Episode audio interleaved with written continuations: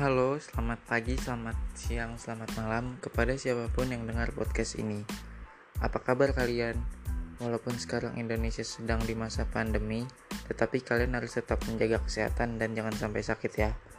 Kenalin, nama saya Adrian Devantoro, mahasiswa baru di Institut Teknologi Sumatera. Prodi Teknik Geofisika dengan nomor induk mahasiswa 12 11 216.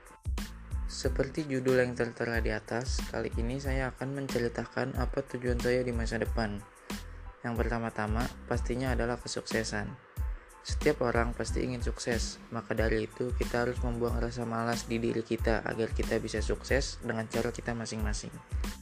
Lalu, bagaimana caranya agar kita sukses? Hal pertama yang harus kita lakukan adalah mencoba beradaptasi di masa kuliah dan menjadi mahasiswa yang aktif dalam organisasi. Setelah itu, hal kedua yang saya lakukan adalah menekuni program studi teknik geofisika agar saya lulus dengan nilai yang terbaik dan setelah lulus saya akan memulai bisnis saya sendiri sambil mencari kerja.